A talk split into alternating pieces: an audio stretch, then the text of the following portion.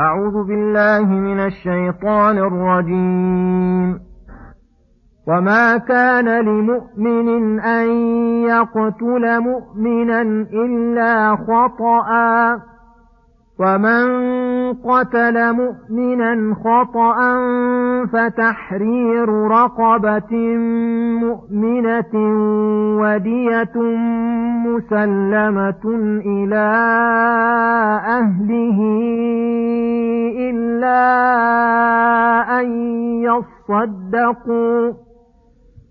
فإن كان من قوم عدو لكم وهو مؤمن فتحرير رقبة مؤمنة وإن كان من قوم بينكم وبينهم ميثاق فدية مسلمة إلى أهله وتحرير رقبة مؤمنة فمن لم يجد فصيام شهرين متتابعين توبة من الله وكان الله عليما حكيما. بسم الله الرحمن الرحيم. السلام عليكم ورحمة الله وبركاته.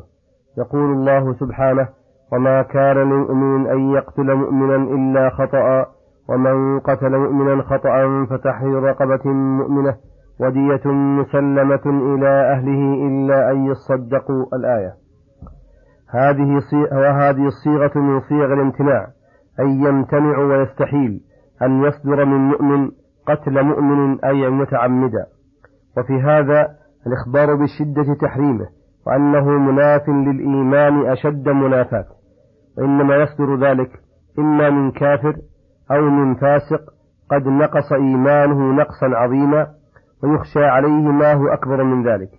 فإن الإيمان الصحيح يمنع المؤمن من قتل أخيه الذي قد عقد الله بينه وبينه الأخوة الإيمانية التي مقتضاها محبته وموالاته وإزالة ما يعرض لأخيه من الأذى. وأي أذى أشد من القتل؟ وهذا يصدق قوله صلى الله عليه وسلم لا ترجعوا بعدي كفارا يضرب بعضكم رقاب بعض. فعلم أن القتل من الكفر العملي وأكبر الكبائر بعد الشرك بالله. ولما كان قوله وما كان لمؤمن أن يقتل مؤمنا لفظا عاما لجميع الأحوال. وأنه لا يصدر منه قتل أخيه بوجه من الوجوه. استثنى تعالى قتل الخطأ فقال إلا خطأ. فإن المخطئ الذي لا يقصد القتل غير آثم. ولا مجترئ على محارم الله. ولكنه لما كان قد فعل فعلا شنيعا وصورته كافية في قبحه وإن لم يقصده أمر تعالى بالكفارة والدية فقال ومن قتل مؤمنا خطأ سواء كان القاتل ذكرا أو أنثى حرا أو عبدا صغيرا أو كبيرا عاقلا أو مجنونا مسلما أو كافرا كما يفيد لفظ من الدالة على العموم وهذا من أسرار الإتيان بمن في هذا الموضع. فإن سياق الكلام يقتضي أن يقول فإن قتله ولكن هذا لفظ لا يشمل ما شمله من وسواء كان المقتول ذكرا أو أنثى صغيرا أو كبيرا كما يفيد التنكير في سياق الشرط. فإن على القاتل تحرير رقبة مؤمنة كفارة لذلك تكون في ماله. ويشمل ذلك الصغير والكبير والذكر والأنثى والصحيح والمعيب في قول بعض العلماء. ولكن الحكمة تقتضي أن لا يجزئ عتق المعيب في الكفارة لأن المقصود بالعتق نفع العتيق وملكه منافع نفسه. فإذا كان يضيع بعتقه وبقاؤه في الرق فإذا كان يضيع بعتقه وبقاؤه في الرق أنفع له فإنه لا يجزي عتقه. مع أن في قوله تحرير رقبة ما يدل على ذلك فإن التحرير تخليص من استحقت منافعه لغيره أن تكون له فإذا لم يكن فيه منافع لم يتصور وجود التحرير فتأمل ذلك فإنه واضح. وأما الدية فإنها تجب على على عاقلة القاتل في الخطأ وشبه العمد مسلمة إلى أهله جبرا لقلوبهم المراد بأهله هنا هم ورثته فإن الورثة يرثون ما ترك الميت فالدية داخلة فيما ترك وللذرية تفاصيل كثيرة مذكورة في كتب الفقه. وقوله إلا أن يصدقوا أن يتصدق ورثة القتيل بالعفو عن الدية فإنها تسقط. وفي ذلك حث لهم على العفو لأن الله سماها صدقة والصدقة مطلوبة في كل وقت. فإن كان المقتول من قوم عدو لكم أي من كفار حربيين وهو مؤمن فتحرير رقبة مؤمنة أي وليس عليكم لأهله دية لعدم احترامهم في دمائهم وأموالهم. إن كان المقتول من قوم بينكم وبينهم ميثاق فدية مسلمة إلى أهله وتحرير رقبة مؤمنة. وذلك احترام أهله بما لهم من العهد والميثاق فمن لم يجد رقبة ولا ثمنها بأن كان معسرا بذلك ليس عنده ما يفضل عن مؤونته وحوائج الأصلية شيء يفي بالرقبة فصيام شهرين متتابعين أي لا يفطر بينهما من غير عذر. فإن أفطر لعذر فإن العذر لا يقطع التتابع كالمرض والحيض ونحوهما. وإن كان لغير عذر انقطع التتابع ووجب عليه استئناف الصوم توبة من الله أي هذه الكفارات التي أوجبها الله على القاتل توبة من الله على عباده ورحمة بهم. وتكفيرا لما عساه أن يحصل منهم من تقصير وعدم احتراز كما هو الواقع كثيرا للقاتل خطأ.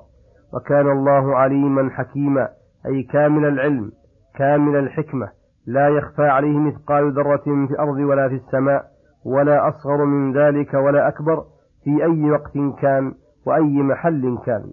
ولا يخرج عن حكمته من المخلوقات والشرائع شيء بل كل ما خلقه وشرعه فهو متضمن لغاية الحكمة ومن علمه وحكمته أن أوجب على القاتل كفارة مناسبة لما صدر منه فإنه تسبب لإعدام نفس محترمة وأخرجها من الوجود إلى العدم فناسب أن يعتق رقبة ويخرجها من رق العبودية للخلق إلى الحرية التامة.